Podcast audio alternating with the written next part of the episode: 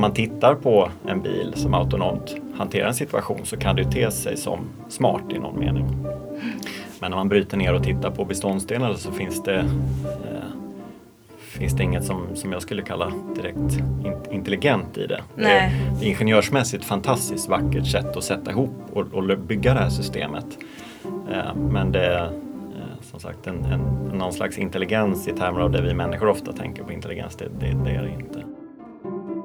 Det pratas mycket om artificiell intelligens och redan idag används specialtränade datorsystem, till exempel i bilar eller som stöd för läkare som ska ställa diagnos. Thomas Schön är professor i reglerteknik och kan berätta mer om den snabba utvecklingen.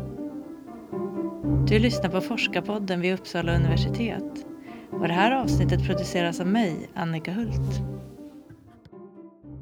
Thomas Schön heter jag, professor i reglerteknik här vid Uppsala universitet och jobbar framförallt inom ett område som heter machine learning. Ja, och vad innebär det då, machine learning? Så, jo, det, är ju ganska populärt numera och det handlar om att eh, få datorer eller maskiner om man så vill då, att automatiskt lära sig att hantera en situation utan att en människa har, har, har programmerat eh, datorn för specifikt den uppgiften.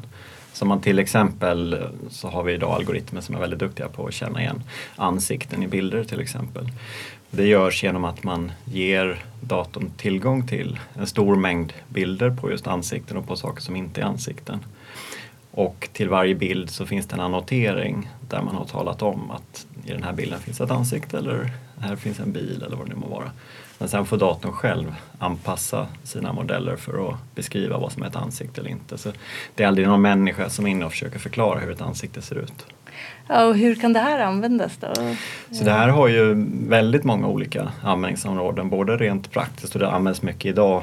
Eh, varje person är ofta ute på nätet och söker på saker och ting.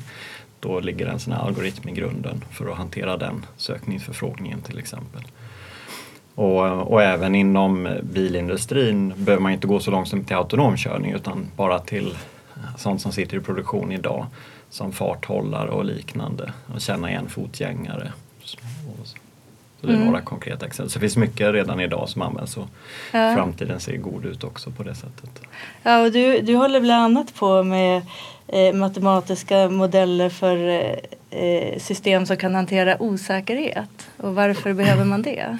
Ja, precis. Jo, um, man, all, allting som, som vi människor gör är ju att hantera osäkerhet i olika grad och fatta våra beslut utefter det.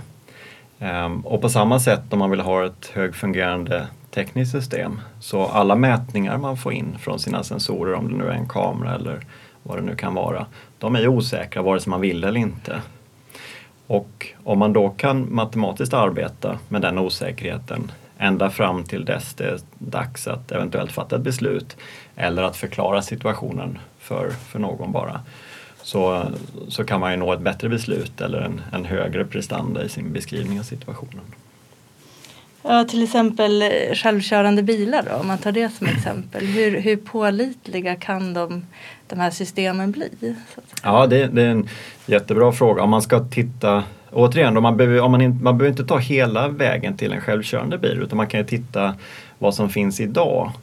Så finns ju en hel del system i bilarna som underlättar och hjälper oss förare på, på olika sätt. Som farthållare till, till exempel? Till exempel en adaptiv farthållare eller system som ser till att man inte åker ur filen. Eller system som eh, varnar för fotgängare när det är mörkt ute. Även om personen inte skulle ha en reflex på sig. Mm. Och så vidare. Sånt som hjälper oss redan idag. Och, men om man ska ta steget ända till en, till en själv... Och de, är ju, de här systemen är ju väldigt tillförlitliga idag. Mm. Det är mm. ingen som skulle få för sig att köpa en bil utan ett ABS-system. De har funnits på marknaden nästan 40 år nu. Men när de skulle introduceras då hade man ju en liknande diskussion. Hur ska det här funka? Jag är duktigare själv på att hålla på och pumpbromsa eller vad det var mm. man trodde då.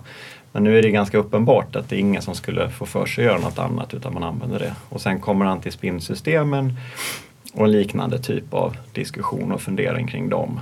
Och nu har man gått någon statistik för försäkringsbolag framförallt då, där man ser hur, hur många liv man har sparat på det här. och, där, och hur mycket annat lidande som orsakas av de ja, olyckor som skulle Mm. inträffat annars.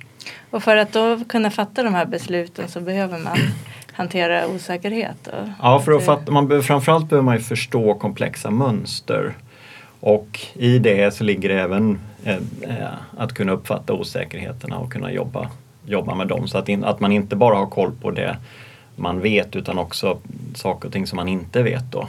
Så att till exempel en osäkerhet på exakt var en människa befinner sig. Det är också Mm. väldigt värdefullt om man då ska fatta ett beslut utifrån det sen. Ja, och eh, det, du jobbar ju då med machine learning eller maskininlärning. Och eh, hur skiljer sig en maskin från en människa när det gäller hur man lär sig? Är det, sam, är det på samma sätt eller skiljer det sig? Ja, det är en bra fråga. Det skiljer sig nog jättemycket åt. Jag, vi vet ju inte jättemycket om, eller jag i alla fall vet inte jättemycket om hur vi människor lär oss ens. Nej. Eh, och, men ehm, det är ju inte fråga om en maskin som är smart i den bemening vi tänker på intelligens.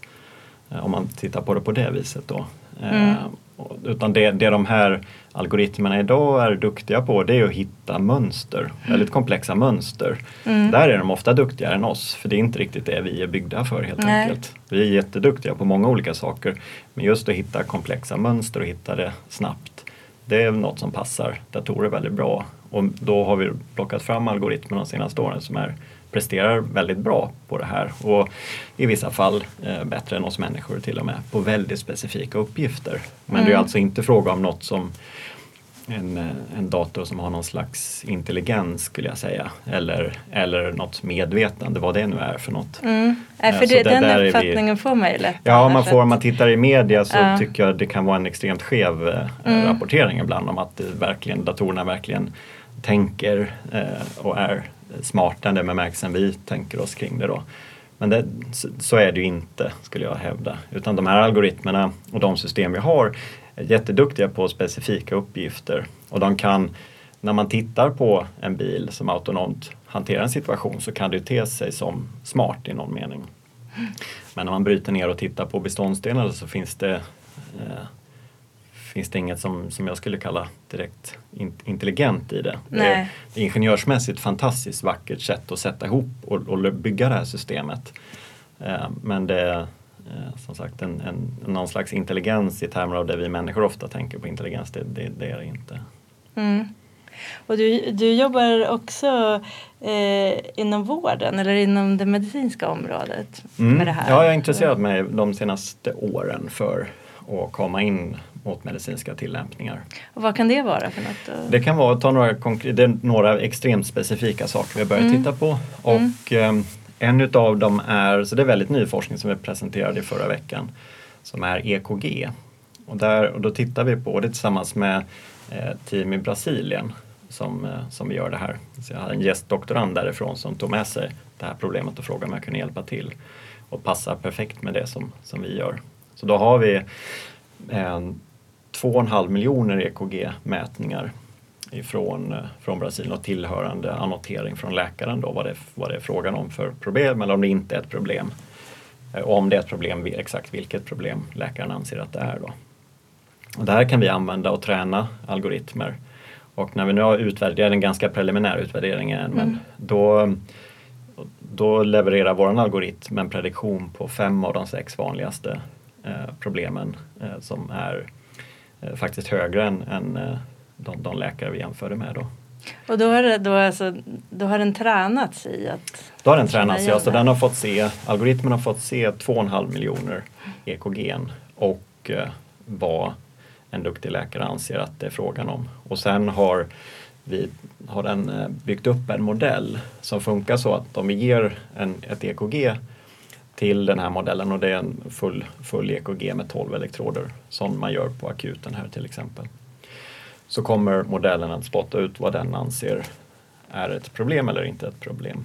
Som, eh, som sagt det är ganska preliminärt men det ser ju väldigt lovande ut i alla fall. Och då fungerar eh, den här algoritmen som ett stöd. Och, Den fungerar som ett stöd, ja, precis. Det här det är också något som jag föreläste för alla läkarstudenter här i Uppsala för en tid sedan. Och, jag är alldeles övertygad om att det här, den här teknologin kommer kunna göra fantastiska saker och hjälpa till i vården. Den kommer inte på något sätt eh, inom de närmaste 100 åren, 200 åren eller ännu mer ersätta läkare, inte en chans. Däremot mina läkarvänner, de flesta av dem eh, har ju fullt upp att få ihop sina dagar. De har så mycket som behöver göras. Så om vi kan stötta dem lite grann här och var och ta bort vissa kognitiva moment där maskinen faktiskt eh, visar sig tillräckligt bra så tror jag det är utmärkt. För det man kan göra i ett sånt läge, att då kan vi frigöra tid. Den tiden kan de spendera med patienterna istället. Till exempel, eller vad man nu vill mm. göra. Så det kan ju låta lite märkligt men jag tror att via den här teknologin mm. så kan vi frigöra, även om vi plockar in mer eh, datorer så kan vi frigöra så att människorna kan prata mer med varandra istället.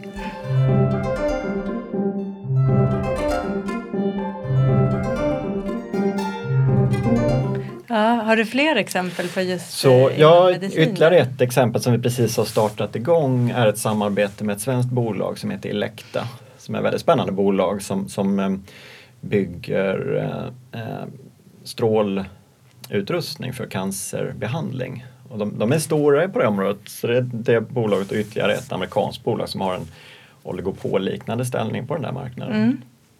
Och eh, de håller på att bygga 15 maskiner runt om i världen. En av dem lite längre ner på gatan här faktiskt. Mm -hmm. Som har både förmåga att stråla tumörer och i realtid eh, titta, en magnetkamera som man kan titta på tumören. Det innebär mm. att så fort den är färdig här så kommer läkarna här kunna titta på tumören samtidigt som den strålas. Aha. Skillnaden mot idag är att idag tittar man först med en MR-kamera och kollar på tumören och, och gör sina beräkningar och sen kör man strålbehandling utan mm. att kunna titta vad som händer egentligen. Och, eh, och man gör jättefint jobb där, herregud, men bara det här att man nu kan titta på tumören öppnar upp för att kunna, kunna få ännu högre precision. Då. Det som vi tittar på här är att automatisera en del av det här så att vi eh, låter datorn en slags självkörande strålbehandling kan man säga. Då. Mm. Så att datorn räknar fram stråldos och förändrar riktning i realtid utifrån vad den ser i kameran. Mm. Och förhoppningen är ju, och det tror jag genuint på, att, att vi kommer kunna eh, fokusera mer på tumören och döda mycket mindre av den friska omgivande ja, vävnaden. Så det är övergripande idén här mm. då. Är det då det här med mönsterigenkänning kommer Här kommer ju mönsterigenkänning in då, ja precis. För att då måste man, då har vi en kamera som tittar på ett tredimensionellt objekt, den mänskliga kroppen, titta in i den mänskliga mm. kroppen. Och så måste den ju själv kunna hitta det som är tumören och sen följa den. Om tumören kan ju sitta på en plats i kroppen som rör på sig också om vi andas till mm. exempel. Även om vi försöker ligga stilla så kan vi inte ligga blickstilla. Mm. Då kan den här kompensera för det. Så genom att vi automatiserar strålningen så kan den ju följa med vår andning mm. och hålla full fokus på tumören och inte någon annanstans till mm. Det här är väldigt nytt. Vi har precis startat igång det här projektet. Så vi har inga, inga resultat än. Men, men eh, det är något som känns väldigt spännande. Och min mamma råkade ut för eh, cancer för ett antal år sedan och nu mår hon bra, jättebra tack mm. och lov. Men mm. eh, då blev jag väldigt inspirerad att försöka hjälpa till på något sätt och så kom den här mm. frågan ifrån eh, eh från det här bolaget som jag kunde tänka mig att hjälpa till med det här. Så det ja. känns jättekul att kunna försöka, få försöka växla ut min kunskap för att mm. bekämpa, bekämpa det här området. Då. Mm. Så det är väl de två som verkligen är igång. Sen har vi lite andra trådar som, som vi tittar på men inte har, har aktiverat än så länge. Då. Men där, där kommer, jag, kommer, vi nog göra mer tror jag. Det känns som ett spännande mm. område. Och det här är tvärvetenskaplig forskning som du håller på med så det är lite ja, det är olika ämnen inblandade i Absolut. din forskargrupp? Eller? Det, ja det är det. Vi har eh, och framförallt har vi via samarbeten då. Så min, min strategi med forskningen är att vi ska göra den bästa grundforskningen och jobba med de coolaste, mest intressanta tillämpningarna. Och tillämpningar gör vi tillsammans med företag som till mm. exempel Elekta i det här fallet mm. då, eller Volvo som vi jobbar med tidigare, mm. Autoliv och så vidare. De kan verkligen den här tillämpningen. Mm. Och tillsammans med dem, när vi hittar ett, ett problem som vi båda tycker är kul, då kan vi göra jättespännande grejer. Mm. Så på så sätt så mixar det in Mm. En, en hel del olika bitar och mitt ämne machine learning är ju väldigt tacksamt på det sättet att det är många som står inför sådana problem idag. Mm. Och, så det är väldigt lätt idag i alla fall och bygga ihop olika givande samarbeten. Och hur länge har du hållit på med machine learning som forskare? Jag har hållit på med det ungefär, eh, det är väl en åtta år nu ungefär. Så när jag disputerade inom, eh, inom eh, systemidentifiering och reglerteknik och riktade om min inriktning ett antal år efter jag disputerade eh, mot machine learning av den enkla anledningen att jag kunde inte riktigt hålla mig borta. Det såg för intressant ut. Mm. Och den matematik som jag har lärt mig och byggt upp sedan tidigare passade perfekt in. Sen mm. har jag fått lära mig nya grejer också och det gör jag hela tiden men det, det mm. var en ganska naturlig anpassning ändå. Även om det var så mycket, mycket jobb i början att, att göra det här såklart. Och på den tiden var det inte så många som höll på med machine Nej, på den tiden var det, det är extremt annorlunda mot nu. Då fick man kämpa en del för att eh, plocka in pengar och så vidare. Eh, det gick bra ändå så det var inga större problem så men det, det är jätteannorlunda mot idag. Jag försökte få ge kurser på grundutbildningsnivå. Det har jag fått göra nu tack och lov. Så, så sedan två år tillbaka så har vi en eh, välfungerande kurs på grundutbildning för civilingenjörerna här. Vilket känns jättekul och jag hoppas kunna bygga vidare på det. Och det är ett jättetryck efter att läsa de här kurserna och det bör det vara också. Så nu, mm. det börjar hända grejer nu och, och i Sverige i stort, Sverige ligger efter här. Det är ingen hemlighet på något sätt. Eh, och Europa kämpar för fullt också faktiskt om man tittar på den europeiska nivån. Vi diskuterade en mm. del på den här konferensen jag var på i förra veckan. Då. Lite olika sätt för att stärka Europa där. Mm. Men, eh, men i Sverige har vi fått en jättefin satsning som kommer från eh, privat håll, från Wallenbergstiftelserna då, eh, som heter VASP som är ett jättestort eh, forskningsprojekt. Det största någonsin i Sverige Aha. i termer av ett individuellt projekt faktiskt. Mm. Just för att dra få igång och vidareutveckla eh, mm. inom machine learning, AI och autonoma system. Så Sverige ligger lite efter då kan man säga? Ja det gör vi. Ja. ja. Och det är ganska tydligt när man mm. är på toppkonferenserna i områden. Vi är ja. inte jättemånga svenskar som är För där. Du var nyligen på en konferens i Ja, jag var på en konferens som heter NewRips. NIPS hette den tidigare i, i Montreal i förra veckan. Och hur många var där då? Då var det 8000 personer där. Ja, så det är väldigt så stort intresse. Det är ett jätte, jättestort intresse. Eh, och, och, naturligtvis finns det en viss hype i det här, det är inget som sticker under stolen med men det finns också, det levererar också en hel del resultat. Så det, även om det lugnar ner sig, vilket kan vara lite skönt kan jag tycka, så, så kommer det fortsätta för lång framtid och vara viktigt. Mm. Och det talas ju mycket om AI eh, idag. Och är det så att AI kommer att slå igenom på bred front snart? Ibland pratar man om att om fem år har vi självkörande ja. bilar och så. Ja, jag tror inte vi har självkörande bilar om fem år, det tror jag inte. Men det jag tror, saker och ting sker ju stegvis. Och det är svårt, i alla fall för mig, att, eh, jag tror det gäller för oss människor i allmänhet, att eh, eh sätta hur lång tid en viss utveckling kommer ta. Speciellt med teknisk utveckling tenderar det att vara så att när man när man tittar tillbaka så, så ter det sig som det gick fort emellanåt. Men ja, det, det, är svår, det, det är en väldigt olinjär ja. uppfattning man har kring det där. Mm. Så jag, jag, det, det, kommer, just med autonom körning, om vi tar det som exempel, då, kommer fortsätta. Varje år kommer det komma ut ny funktionalitet som hjälper oss förare på olika sätt som vi pratade om tidigare. Då, mm. med, med, från ABS till antispinn och så vidare. Och så vidare. Och det, det, det kommer bara fortsätta, det finns, kommer inte minska. Eh, ända tills vi kommer ha en, en självkörande bil, det är jag helt övertygad om. Eh, sen hur lång tid det kommer ta, det, ja, det vågar jag inte riktigt gissa på. Rent tekniskt kan vi mycket av det vi, vi behöver kunna för att göra det. Men man måste göra det här på, till en vettig kostnad också.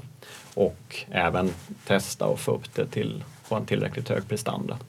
Och att människor också accepterar och litar på Ja precis, människor måste acceptera. Det som, den där frågan är väldigt intressant som man ofta får och ofta diskuterar. Och jag börjar mer och mer tänka på att jag är mer och mer fascinerad över hur vi kan acceptera den situationen vi har idag. Om man vänder på frågan, hur kan vi tycka, vad är det vi har idag? Idag har vi en situation där eh, varje år, det här är siffror från WHO från 2015, varje år så dör 1,25 miljoner människor i trafikolyckor. Aha. Och långt mycket mer skadas på väldigt allvarligt sätt. Det här kostar ju individer ett ofantligt lidande och samhället kostar det väldigt mycket pengar. Om man ska sätta vad betyder 1,5 miljoner om året? Om vi sätter det i relation till antalet människor som dör till följd av krig, kriminalitet och terror, om vi sätter ihop det, Mm. de tre sakerna, då är det hälften så många. Mm. Och den, det, det accepterar vi för vi måste ju köra bilar så att säga. Men tänker man på det och sen återigen då 90 procent av de här dödsfallen beror på att en människa inte är uppmärksam. Ja, det är så mycket. Ja. Och då, i alla fall från den här rapporten från Mm. WHO då. Mm. Eh, Och, och det låter ganska rimligt också för vi är inte byggda för att hantera en sån komplex situation egentligen. Nej, Det, det, så, så det är inte konstigt att vi fallerar. är det för att det går så fort också kanske? Påverkar? Ja, att man är, man är ouppmärksam. Man, man rör sig, man flyttar ju en, en rent krasst en, en stålbit på ett ton i 100 km i timmen bara några meter ifrån människor och andra Mm. människor som sitter och gör samma sak i en annan stålbit. Mm. Och det är klart som sjutton det går fel ibland då liksom, om Ja. man blir störd av något i bilen eller kanske, det får man ju inte göra, men någon tittar på något sms eller vad, vad vet jag liksom, eller man ska fixa något med radion eller vad det nu kan vara. Och det räcker ju det där lilla, gör man det vid fel tidpunkt, ja då, då var det bra med det sen. Liksom. Och det händer ju varje dag hela tiden. Och det ifrågasätter vi inte. Utan det, alla tycker det är hemskt naturligtvis men, men det, vi fortsätter köra bilen då. Så det är där, så att ifrågasätta den situationen vi har idag tycker jag är intressant ur massa olika etiska och massa olika synpunkter. Om vi då kan leverera tekniska system som, som minskar det här signifikant, vilket vi kommer kunna och det vet vi redan de system vi har fört in idag att de har tryckt ner de här siffrorna har man kunnat rejält. se Det har man kunnat se, ja. Ja. Framförallt försäkringsbolag som har den typen av statistik. Och, vis, och det har jag inte i huvudet nu Mm. hur det ser ut men det är jättetydligt att antispinnsystem Mm. verkligen förbättrar situationen. Och ABS också och så vidare. De som har funnits på marknaden jättelång tid. Då. Så jag tror utvecklingen kommer vara så att vi kommer fortsätta eh, addera på funktionalitet tills vi kommer fram till en självkörande bil. Men vi kommer spara liv varje dag vi adderar på ett nytt system. Eh, vilket, vilket känns tryggt och det är den, den vägen man kommer ta. Mm. Och hur ska vi människor förhålla oss och förstå det? Det är ehm, göra som vi har gjort förr, höll jag på att säga, när vi gick från hästar till bilar. Det är inte jättelänge sedan ändå, men om man Nej. tänker på den förändringen, det vad är det då? Det är dry- dryga hundra år sedan. Mm. Det, det måste ju varit en ofantlig förändring. Om man nu, nu lever inte så många människor som var med då som man kan fråga men det var intressant att fundera på det. Hur var det då? Man, man red på en Mm. häst och helt plötsligt åkte man runt i en stålbit hur skönt som helst Ja. i jämförelse. Vi lyckades och vid tåg och flygplan. Så då ska vi nog lyckas för- förhålla oss till det här också tror jag. Och sen kommer det naturligtvis kommer människor omkomma i trafiken framöver också. Ja. Där anledningen hänförs till en maskin istället för till en människa. Mm. Och det eh, tror jag också vi kommer kunna acceptera så småningom när vi ser att istället för att vi människor kör runt och dödar 1,25 miljoner av våra Mm. vänner i år Mm. så kom, kommer vi ha maskiner som, eh, vad vet jag, de kommer ju döda betydligt färre i alla fall. Men, och det, det måste man rimligen, i alla fall om man tittar på en aggregerad nivå, Mm. ty, tycka är bättre när man ser tillbaka på det. Så då tror jag, sen är det just den här övergången som, och speciellt när det är den diskussion som sker i media, man håsar upp det och tar specifika fall och så vidare. Och det är klart, då kan man ju vända och vrida historien hur man vill och berätta Mm. vilka skräckscenarion som helst. Men tittar man, lutar man sig tillbaka och tittar på hårda fakta, då, då är jag övertygad om att, att vi människor kommer snarare tycka att det var jättemärkligt, tänka tillbaka på när en människa satt och körde en, en järnbit på eh, ett ton i 120 kilometer i timmen precis jämte någon annan person som gjorde samma sak. Det kommer kännas jättekonstigt tror jag. Ja. Sen vet jag inte om jag får uppleva den dagen eller inte när det nu Mm. händer men jag är helt övertygad om att människor kommer resonera Mm. så längre fram i tiden.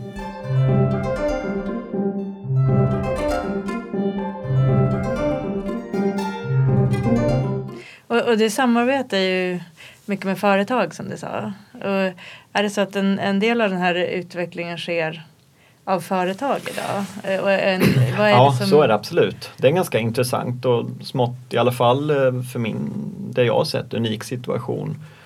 Ta konferensen förra veckan då så var ju eh, en, väldigt många av de nya resultaten presenteras av forskare på företag. Så mm, mycket görs där, mycket görs på universiteten också. Eh, men internationellt sett så, så är företagen lång, långt framme inom de här områdena. Det är framförallt eh, företag som, som Google, Facebook, Apple. De publicerar inte så mycket men de, de ligger långt framme ändå. Amazon. eh, Intel också faktiskt. Som de stora amerikanska techbolagen helt enkelt som eh, investerar otroliga summor pengar i det här och där man då som forskare kan få en, en fantastiskt fin tillvaro. Nu för tiden har det varit så ett antal år tillbaka att kunna, få, kunna jobb, bedriva sin forskning som man gör på ett universitet. Mm. Eh, men eh, väldigt fri från, från mycket andra sysslor. Så de, de, kan ha, många kan ha en väldigt fri tillvaro på de här bolagen vilket är intressant och ganska unikt. Jag har aldrig sett det tidigare under den tiden jag varit verksam. Jag har varit verksam jättelänge men jag har aldrig sett det tidigare. Och det är lite intressant. Sen Man befinner vi oss mycket på resurser på Jättemycket resurser. Mm. Nu befinner vi oss på toppen av en högkonjunktur, det hör ju till eh, situationen också naturligtvis. Eh, men att det överhuvudtaget är möjligt att, att göra så är ju det är intressant. Ja men det måste ju vara rätt speciellt då för, det är för dig som forskare vid universitetet. Eh, är det svårt att hänga med i den här utvecklingen um, när det händer så fort? Nej, det är, inte, nej det, det, det, är alltid svårt att hänga med i utvecklingen för 24 timmar om dygnet så pågår utvecklingen. Det rör sig jättefort hela tiden. Så det är, svårt, det är en utmaning för alla forskare så det är inget unikt för oss här tror jag inte.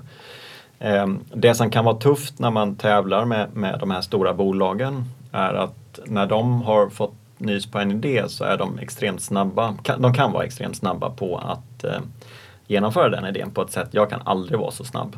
För jag har inte de resurserna. Så det är helt, det går inte. Nej. Och det har vi känt av några gånger när vi har haft, vi har haft sådana fall när vi har haft en idé före dem. Men eh, vi har liksom inte haft den datorkraften eller den mankraften att eh, tillräckligt med, med, forskare för att kunna genomföra den så det tar, tar längre tid och då hinner man efter. Mm. Man efter det. Men ja, det är inget jätteproblem men, men ja, det händer absolut. Mm. Men det är ändå, på det stora hela är det eh, bra att ha dem där för de pushar ju på och det händer mycket. Och, och äh, jag, jag, jag ser inget negativt med konkurrensen. Konkurrens tycker jag generellt är väldigt bra. För det pushar oss att bli ännu bättre. Och vad är det som du tycker är intressant eh, inom det här området som får dig att fortsätta jobba med det här? Ja, det som får mig att fortsätta jobba med det, det är flera saker. Det I grunden är det samma sak som fick mig att inte kunna hålla mig borta så att säga i början. Vilket är, eh, är ett jättekul sätt att jobba med matematik på. Ehm, och i kombination med programmering. Vilket är något som jag tycker är genuint jätteskojigt. Och har tyckt ganska länge faktiskt. Och det här eh, dels kan man titta på det på väldigt fundamental nivå men också med tillämpningarna och det är ganska viktigt för mig att se att då och då få se eh, en, större, en, en mening, en konkret mening i det vi bygger. Till exempel de här medicinska samarbetena ger mig en jätte eh, tillfredsställelse i att vi kan, här är ett problem som gör att människor lider. Vi kan eh, lösa en del av det här, hjälpa till att lösa en del av det här. Och det, det är för mig som, som person jätte, jättekul. Och då, sånt där kan jag lägga väldigt mycket tid på när jag, när jag får en sån feedback-loop så att säga. Mm. Så det, det är en nyckel, nyckelidé, och, men i grunden är det nog en ny nyfikenhet. De som känner mig vet att jag läser väldigt mycket och funderar väldigt mycket. Jag har någon slags sjuklig ja. nyfikenhet. Ja. och det är det som ligger i grunden och driver alltihop. Och sen mm. då kopplat med min fascination för att använda matematik och programmering på, på det här mm. viset för att kunna lösa de här uppgifterna som, som eh, eh Ja, och vad, vad, skulle du vilja forska vidare om i framtiden då? Om du tänker på ett framtidsperspektiv, har du mm.